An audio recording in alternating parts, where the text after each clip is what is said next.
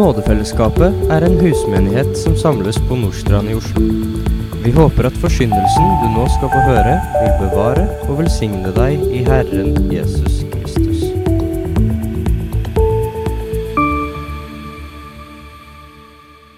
La oss eh, be sammen.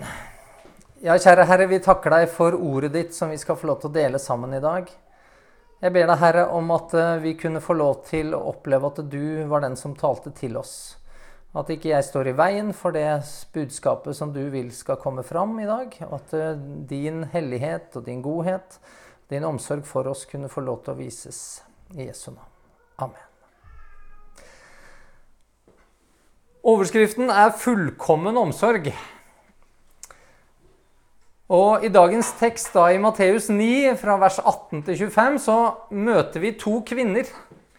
Og disse kvinnene representerer på mange måter noe som er veldig forskjellig. De står på mange måter i kontrast til hverandre. Og så Samtidig så vitner de om det samme og om den samme. I dag så møter vi Jesus. Han står nede ved sjøen da i Kapernaum. og Han har nettopp stått der. Han har drevet og refsa fariseerne, og nå har han drevet og snakka med disiplene til Johannes. Og han hadde da undervist om at det nye livet som han vil gi, det må leves ut i et nytt menneske.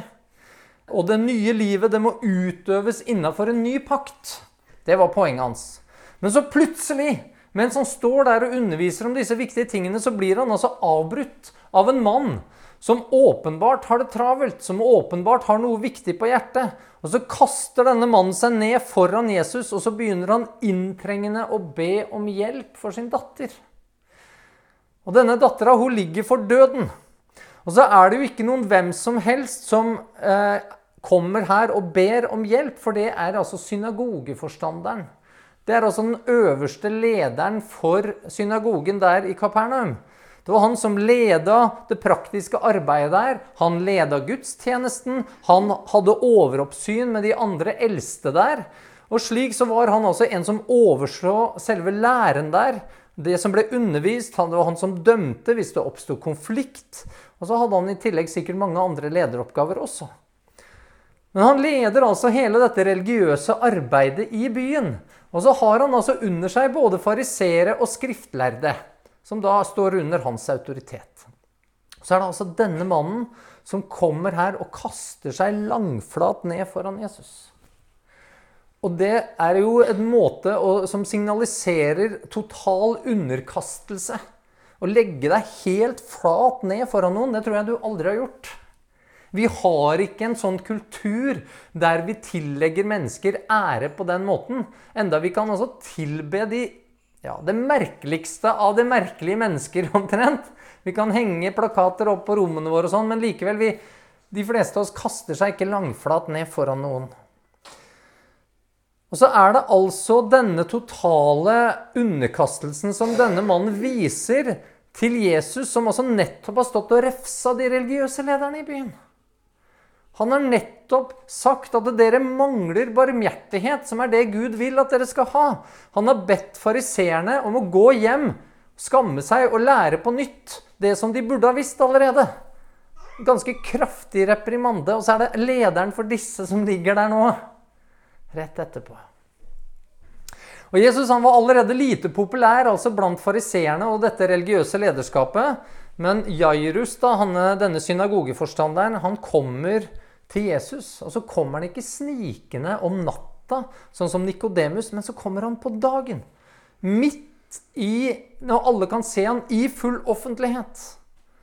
Og så Han kommer med det som altså kan se ut som er en genuin tro. En genuin tro på at Jesus kan helbrede hans datter. Og Matteus forteller at eh, Jairus sier 'Min datter er nettopp død'. Men både Lukas og Markus skriver at Jairus sier at eh, jenta lå for døden. Og Dette er jo en ganske stor forskjell. Og Disse to evangeliene de to siste, de utbroderer denne historien mer enn det Matteus gjør. Og Skildringene er altså litt forskjellige, selv om altså hovedpoengene i historiene er de samme som hos Matteus.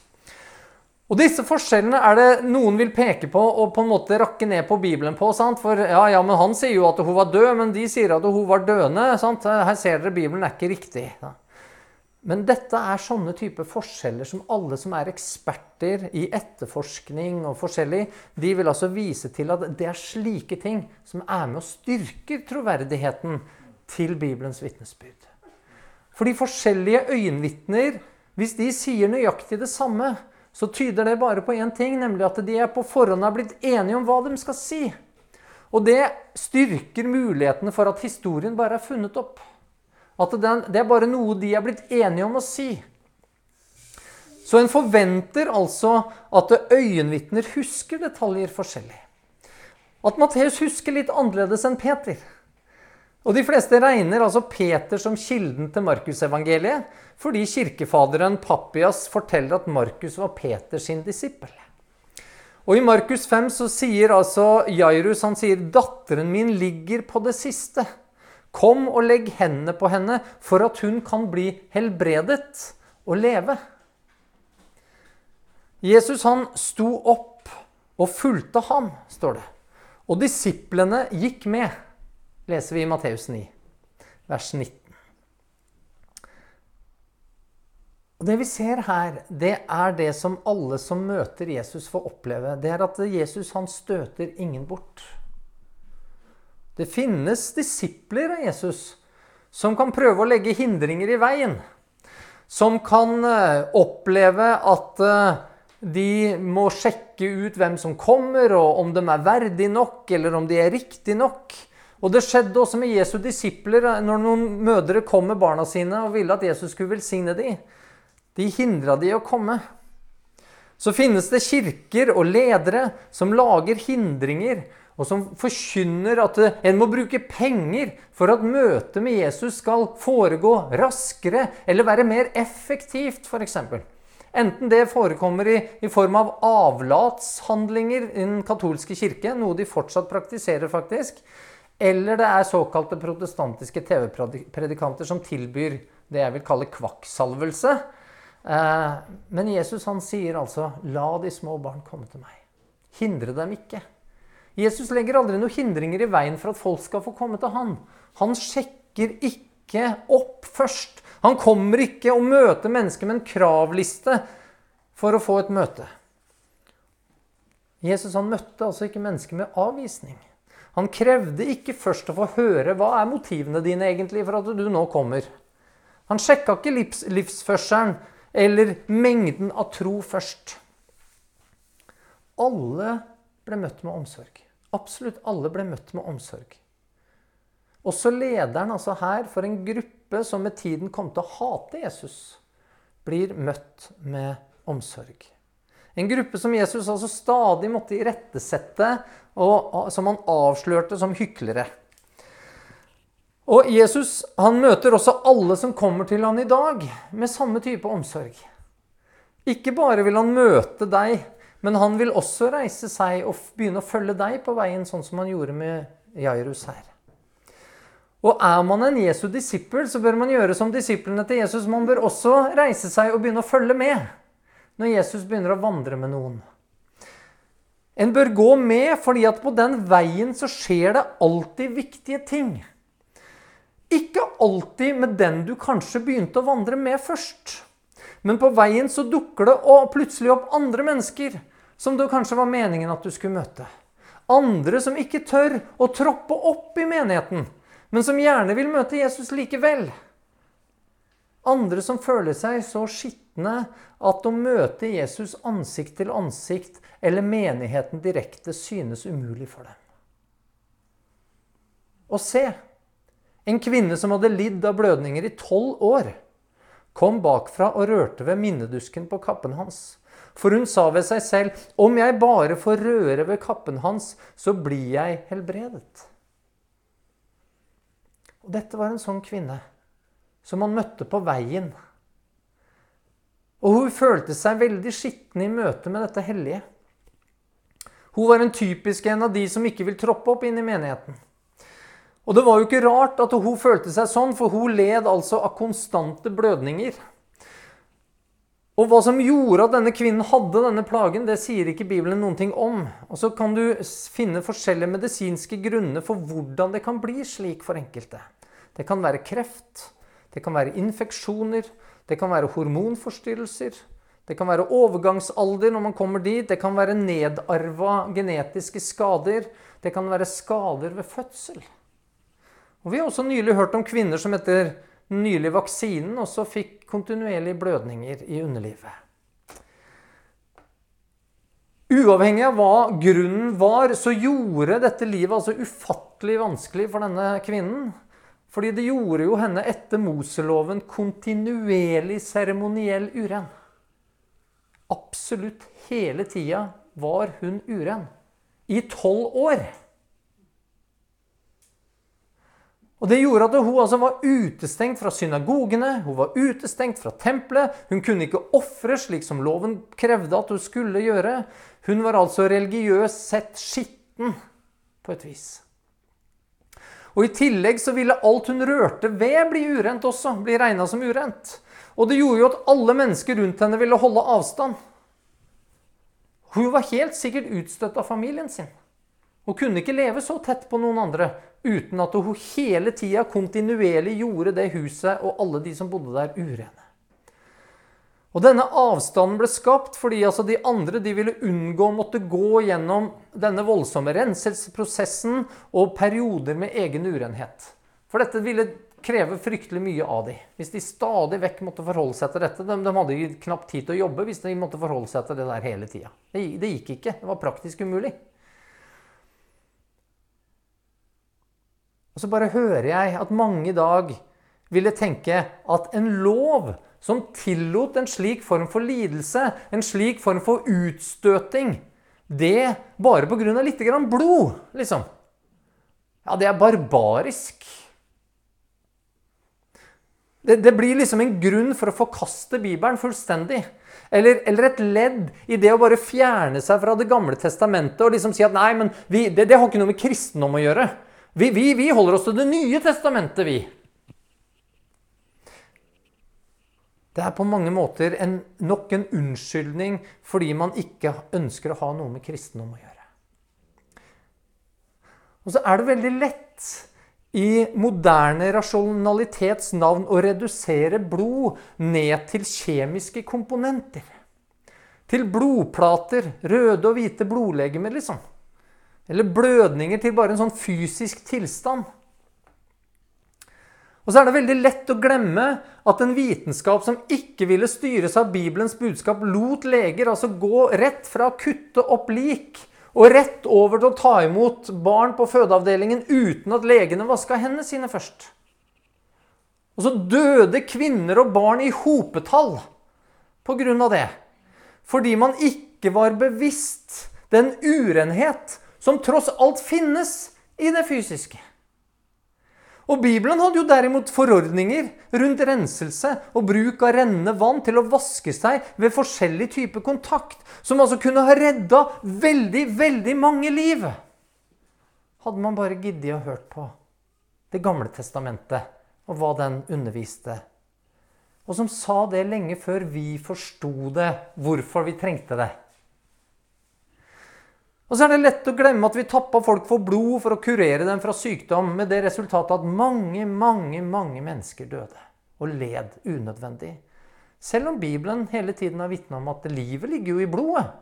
Så å tappe ut livet er veldig dumt, hvis du faktisk hadde hørt på det først. Så altså, ikke fall for fristelsen, du som hører dette, til å tro at vi nå vet bedre. Vi har store ubesvarte spørsmål fortsatt, vi, når det kommer til renhet. Hva gjør f.eks. antibakterielle produkter med oss på sikt? Det er ting som tyder på noe at det er ikke bra. At det skader immunforsvaret vårt og forskjellige typer ting. Antibiotikaresistens f.eks. er en økende trussel. Og så videre, og så videre. Og vi lever jo altså tross alt i en tid som ikke engang klarer å definere kjønn og seksualitet engang. Kravene rundt blod og urenhet fra Moseloven kan altså kanskje være litt vanskelig å forstå, på tross av at vi nå skjønner at en blodprøve kan gi oss svar på veldig mange ting. Men også vi holder oss borte fra blod som kan være smitta av farlige sykdommer. Ja, Nylig så ble vi tvunget til å holde oss borte fra selv de vi var glad i, pga. noe som var langt mindre farlig. Mennesker levde altså i ensomhet og led.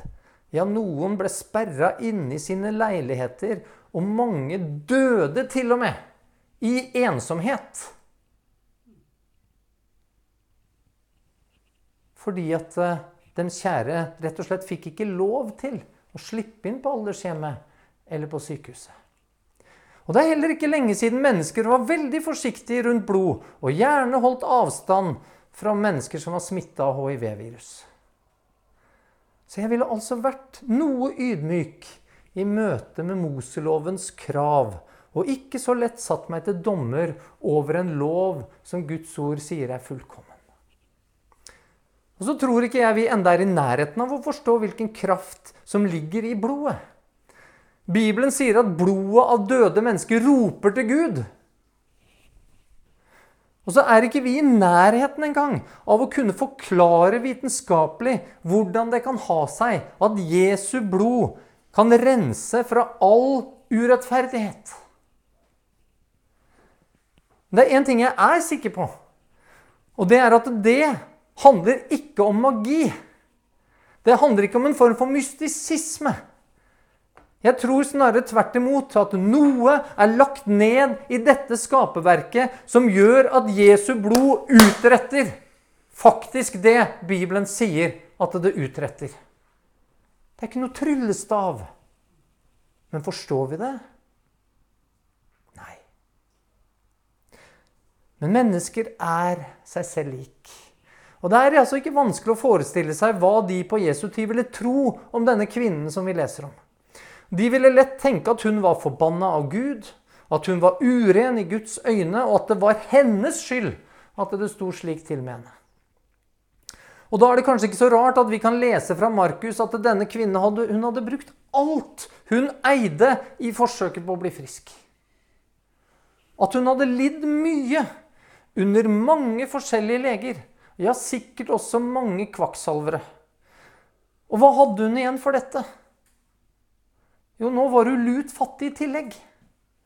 Og Markus skriver at den såkalte behandlingen bare hadde gjort henne verre. Og det gjør altså denne kvinnen nærmest som en levende død i et slikt samfunn. Det er, var veldig nært opp til det livet som spedalske menner, mennesker kunne leve under. Det var altså en grusom skjebne som er veldig vanskelig for oss å fatte. Og på tross av alt dette så møter vi altså ikke et menneske som er apatisk. Som har gitt opp, og som, som mangler tro. Tro på at hjelp finnes. Tro på at livet kan forandre seg. Og etter tolv år så hadde jo ikke jeg klandra henne om hun var blitt bitter, passiv, sint på Gud og, og gitt opp troen både på Gud og på mennesker. Og så er det det motsatte vi møter. En kvinne som har en så stor tro at hun tenker ved seg selv om jeg bare får røre ved kappen hans, så blir jeg helbredet.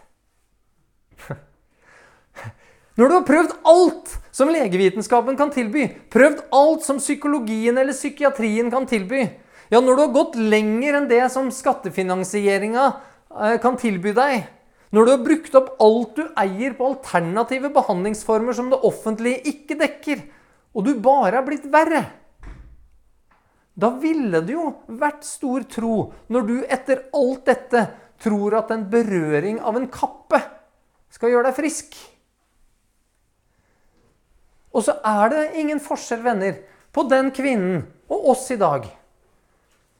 Fordi at det vitnesbyrdet hun hadde hørt om Jesus, er akkurat det samme som vi har hørt.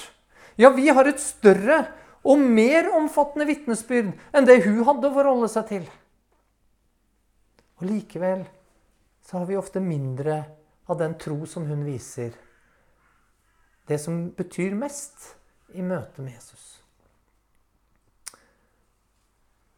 Så rørte denne kvinnen, kom bakfra, prøvde å være anonym. Turte ikke å se Jesus inn i øynene, turte ikke å snakke til ham, turte ikke å ta opp av hans tid. Men hun kommer bakfra og rører ved klærne hans. Og øyeblikkelig så kjenner hun at noe skjer i hennes kropp. Hun var blitt kurert. Og jeg mener, I disse trange gatene på vei der til Jairus sitt hus, så var det masse folk som gikk og stimla seg sammen. Det var helt sikkert drøssevis av mennesker som var borti Jesus sine klær. Men bare denne kvinnen er det som får lov til å oppleve noe som gjør at Jesus kjenner at en kraft gikk ut av ham.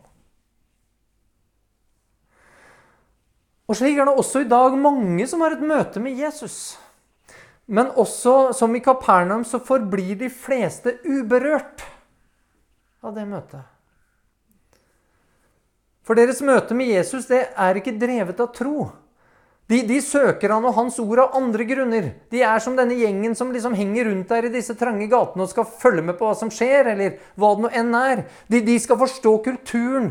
De skal se hva kristendom dreier seg litt om. De skal få en teologisk forståelse på et eller annet nivå. Eller de, de vil sjekke hva, hva, hva er dette her med Jesus.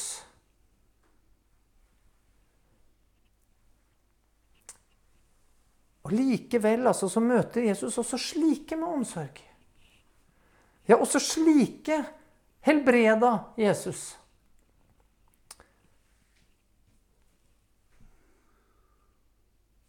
Det var ti spedalske. Og alle ble helbreda av Jesus. Men i Lukas 17, når vi leser om dette, så var det altså bare én som kom tilbake. Én som viste Gud ære. Alle de andre møtte også Jesus. Men på tross av at de ble friske, til og med, så ble de ikke berørt av Jesus. Det møtet førte ikke til noen ting. Bare han siste, han som kom tilbake igjen, han som forsto hva som faktisk hadde skjedd, han som forsto hvem Jesus var, han som trodde, han fikk høre noe ingen av de andre fikk høre. Han fikk høre din tro har frelst deg. Og det er akkurat det samme venner som denne kvinnen i dagen tekst får høre. Men Jesus vendte seg om, og da han så henne, sa han, Vær frimodig, datter. Din tro har frelst deg. Og kvinnen ble frisk fra samme stund. For Jesus, altså, som ble avbrutt i viktig undervisning, og så er han på vei til et ærend som er så viktig at det handler om liv og død. Og så likevel så lar han seg bli avbrutt igjen. Og så stopper han opp, og så bruker han ekstra tid på den som ville la seg berøre av ham. Hun ble helbredet, men fikk det som var enda viktigere. En forlatelse av synd pga. tro som nå ga henne, som var utstøtt, grunn til å være frimodig. Den som altså følte seg for skitten til å møte Jesus ansikt til ansikt, som kom bakfra for å slippe å bli oppdaga, for å slippe å være til byrde for noen som helst. Hun som altså var uren og utstøtt. Det var hun som ble mer berørt av Jesus enn noen av de andre som gikk der i den gata den dagen. Uansett hvor vellykkede disse andre måtte være, eller hvor nær til Jesus de gikk, eller hvilken annen type relasjon de hadde. Men noe annet er viktig å legge merke til i denne teksten, og det er at Jesus lot seg berøre av kvinnen. Han ble ikke sint fordi at hun som var en uren, begynte å røre ved han. Men etter loven, som altså Jesus fullkomment ville følge, og som Jesus kaller fullkommen, så gjorde dette at Jesus nå ble uren. Alt det som gjorde at denne kvinnen var utstøtt, som gjorde at ingen andre ville ha med henne å gjøre, det er det hun gjør med Jesus. Og Jesus syns det er greit. Han som var helligere og mer ren enn noen av de andre som gikk der. Og så er dette et så viktig frampek mot Jesu villighet til å påta seg hele verden sin urenhet? Din og min urenhet. Når han altså gikk til Golgata og ofra seg selv. Og så kommer det noen menn der på veien fra huset til Jairus, og så forteller de at eh, nå er datteren din død. Og så blir kontrasten her så uendelig stor. For kvinnen som akkurat var blitt helbreda, led i tolv år. Jairus sin datter var tolv år og ble nå for første gang i denne kulturen regna som en kvinne. Hun hadde livet framfor seg. Hun hadde sikkert levd et godt og beskytta liv også fordi at en synagogeforstander ville ha midler til å gi henne det. Hun var elska av sin familie, mens denne andre kvinnen var utstøtt av sin. Og nå hadde livet til kvinnen med blødninger virkelig starta. Ja, evig liv venta nå på henne. Mens livet til denne unge jenta var akkurat over. Og kvinnen med blødningene hadde en tro på helbredelse. Mens denne unge kvinnen kunne som død ikke vise noen tro.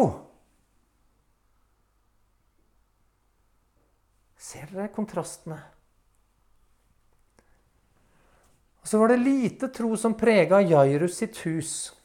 For de som kom derfra, de mente at nå som jenta var død, så trengte han jo ikke å bry Jesus noe mer. Om han kunne ha gjort noe tidligere, så var det i hvert fall ikke noe han kunne gjøre nå. Huset var allerede fylt av sørgende, kan vi se. Av betalte kvinner som skulle gråte og klage, og av musikere som skulle spille.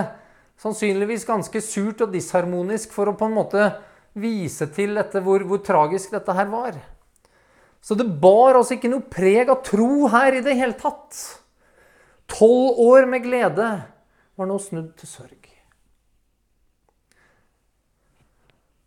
Jesus han sto opp, og så ble han med Jairus uten noe krav om nok tro. Og så viser han nå på nytt omsorg. Og så sier han, slik vi leser fra Markus 5, til Jairus.: Frykt ikke, bare tro. Datteren hans er nettopp død! Og Jesus har ikke gått og vekt mennesker opp fra de døde ennå. Frykt ikke, bare tro.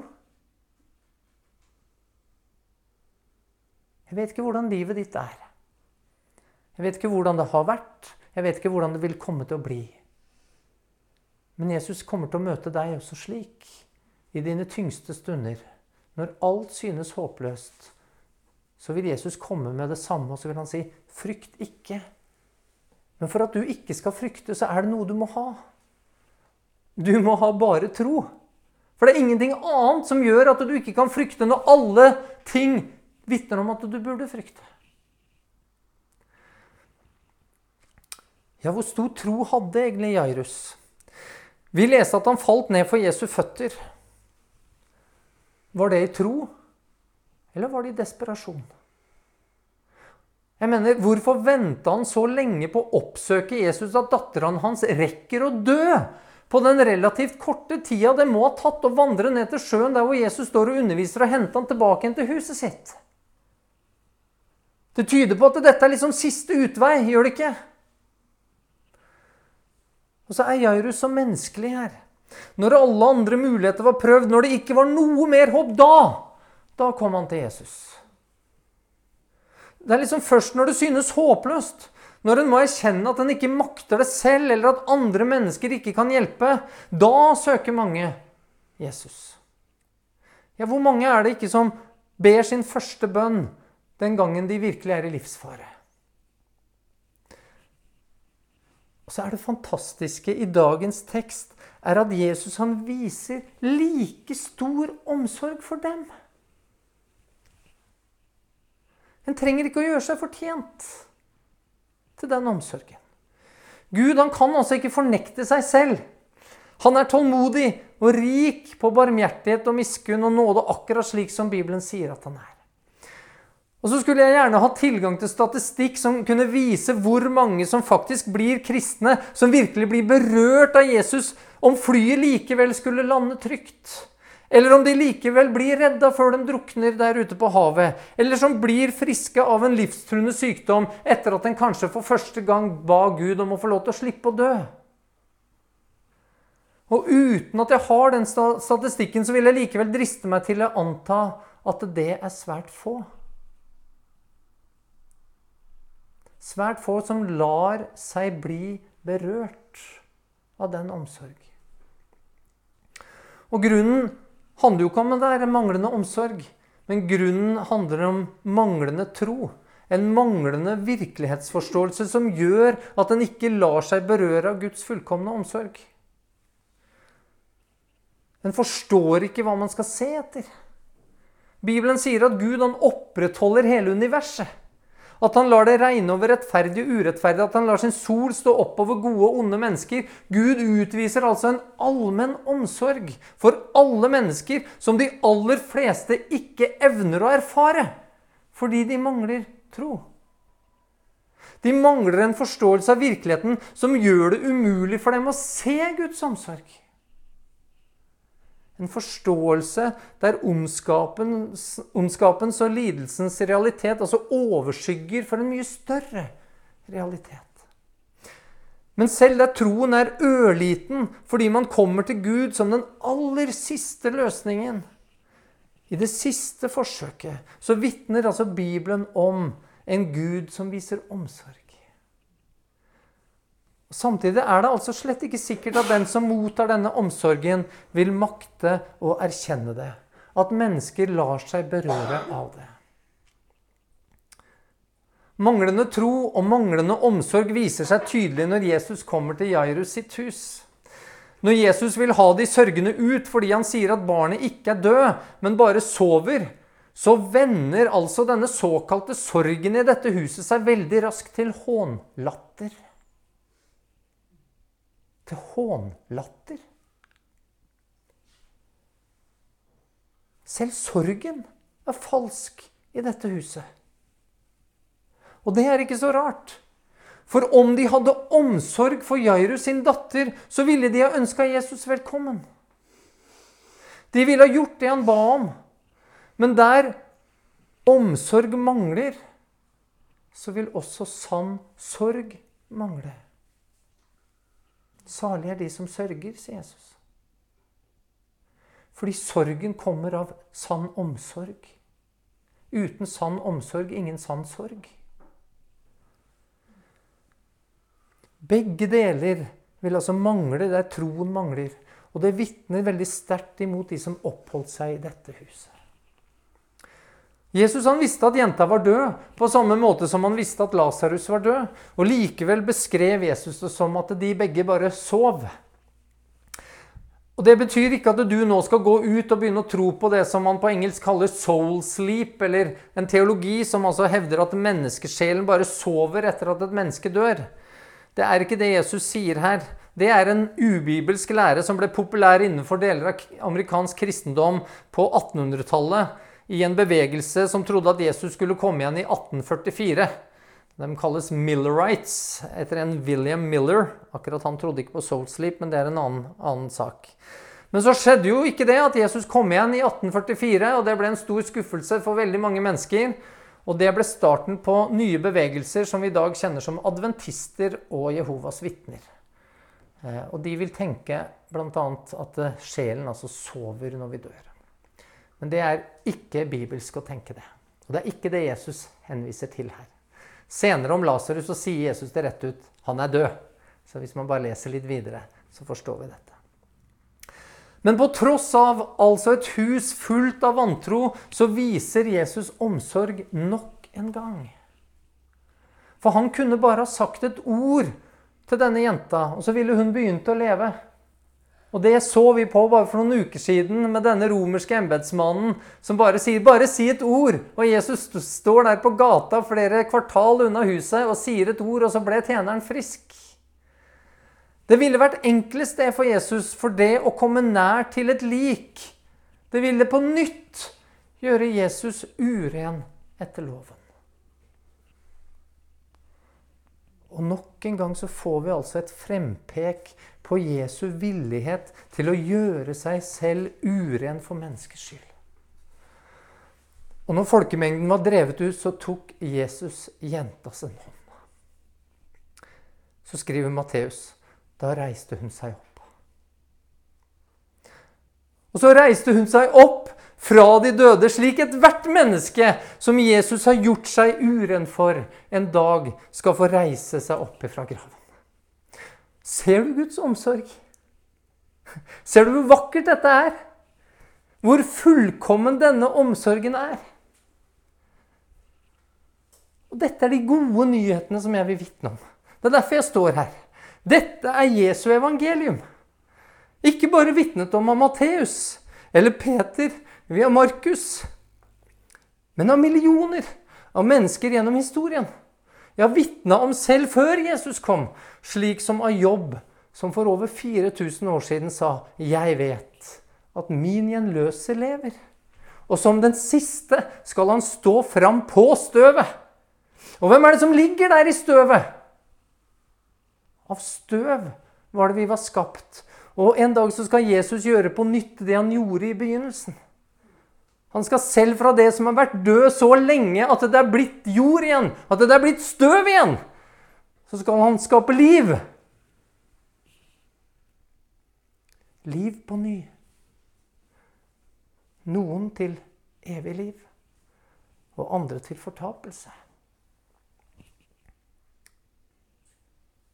Og misbruk derfor ikke Guds omsorg mot deg. Enten det kommer i form av denne allmenne omsorg som opprettholder hele skaperverket, som opprettholder din mulighet for å kunne puste en dag til. Misbruk heller ikke den spesielle omsorg som han har vist til deg, som har fått lov til å be han om noe og fått noe av han. Vær av de som kommer tilbake til han, som takker han og som lar han få lov til å bli herre i ditt liv. Og Så vet ikke vi hva som skjedde videre med Jairus eller hans datter. Men vi hører aldri Jesus si til noen av dem at deres tro frelste dem. At de kunne leve frimodig fra nå av fordi deres synder var tilgitt. Det vi vet, er at begge kvinnene møtte omsorg. To kvinner som kontrasterer hverandre på flere måter, men som begge gudfeldigvis hadde en tilknytning til tallet tolv. Det tallet som representerer Guds kraft og autoritet. Det komplette fundament. Tallet som representerer Israel som helhet. Guds pakter bygget på de tolv stammene. Kirken bygget på vitnesbyrdet til de tolv apostlene. Det nye Jerusalem med sine tolv porter. Det er tallet som vitner om fullkommenhet. Og i vår historie i dag om denne kvinnen som hadde lidd i tolv år, og denne tolv år gamle jenta som døde, så vitner det om Guds fullkomne omsorg. Kjære Herre, vi takker deg for ordet ditt. Vi takker deg for det vi kan lese her. Vi takker deg for at du viser på nytt og på nytt, Herre, at eh, det var ikke bare ord i en fin preken der på berget, men at du gjorde i praksis det som ordet sier, det som du lærte. Du var ikke en hykler. Og så har du vist omsorg, Herre, til alle. Fattig og rik, liten og stor. Både de som lider, og de som har hatt det godt. Og Herre, så vanskelig det kan være for oss noen ganger å se det. Må du åpne våre øyne slik at vi ser din omsorg for oss, at vi ser din ledelse, at vi ser at du ønsker at vi kunne få lov til å bli tilgitte syndere som kunne få bli reist opp til et evig liv, Herre. Ikke til en fortapelse. Og så er alt det du gjør, og alt det du sier, det er retta inn mot nettopp det. Herre, la oss få ta imot det. La oss få komme til deg og be om det, og be om å få bli omslutta av din omsorg. I Jesu navn. Amen.